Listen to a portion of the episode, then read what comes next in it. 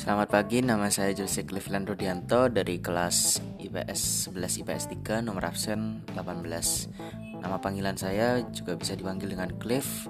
Saya akan memberi, memberikan penjelasan mengapa musik barat berkembang di suatu negara tidak sama dengan negara yang lainnya. Menurut saya sendiri, musik berkembang di suatu negara karena mayoritas dari warganya sendiri atau dari penduduknya sendiri yang memilih yang memilih genre musik tersebut.